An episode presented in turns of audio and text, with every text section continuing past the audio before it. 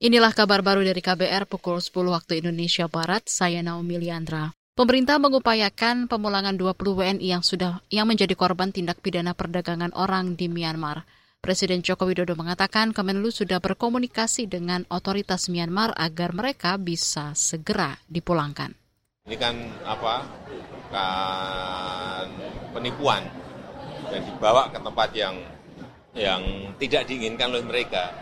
Jadi kita sedang berusaha untuk membawa, mengevakuasi mereka untuk keluar dari Myanmar. Sudah, ya.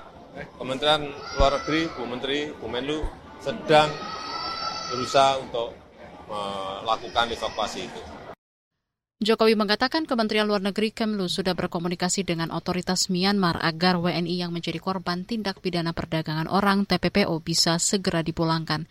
Sebelumnya Baris Krim Polri menyebut 20 WNI yang menjadi korban TPPO dikirim ke Myanmar secara ilegal, sebab mereka tidak terdata dalam lalu lintas imigrasi Myanmar.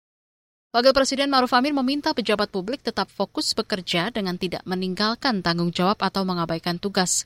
Imbauan itu terutama ditujukan pada pejabat publik yang merangkap sebagai pimpinan atau anggota partai politik saat intensitas politik menjelang pemilu 2024 mulai meningkat. Eh, pejabat yang kebetulan dia pimpinan partai politik pasti ya dia juga karena memang sekarang sudah merupakan tahun politik pasti akan sibuk terlibat dalam persoalan-persoalan perpolitikan ya dalam menghadapi pemilu, pilpres, pileg itu. Tetapi tentu yang kita harapkan karena dia pejabat sebaiknya juga jangan sampai tugasnya itu terabaikan. Itu tadi Wakil Presiden Ma'ruf Amin.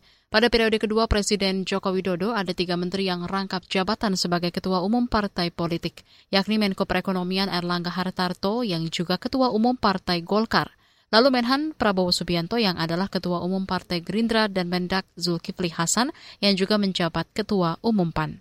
Kita ke Bursa Efek Indonesia. Indeks harga saham gabungan IHSG pada Jumat pagi dibuka melemah 15,81 poin atau 0,23 persen ke posisi 6.828,22. Sementara itu kelompok 45 saham unggulan atau indeks LQ45 turun 2,93 poin atau 0,31 persen ke posisi 949,34.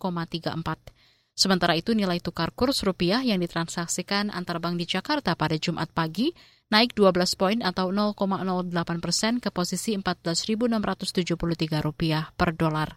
Angka ini naik dibandingkan posisi pada penutupan perdagangan sebelumnya sebesar 14.685 rupiah per dolar Amerika. Demikian kabar baru KBR, saya Naomi Liandra undur diri.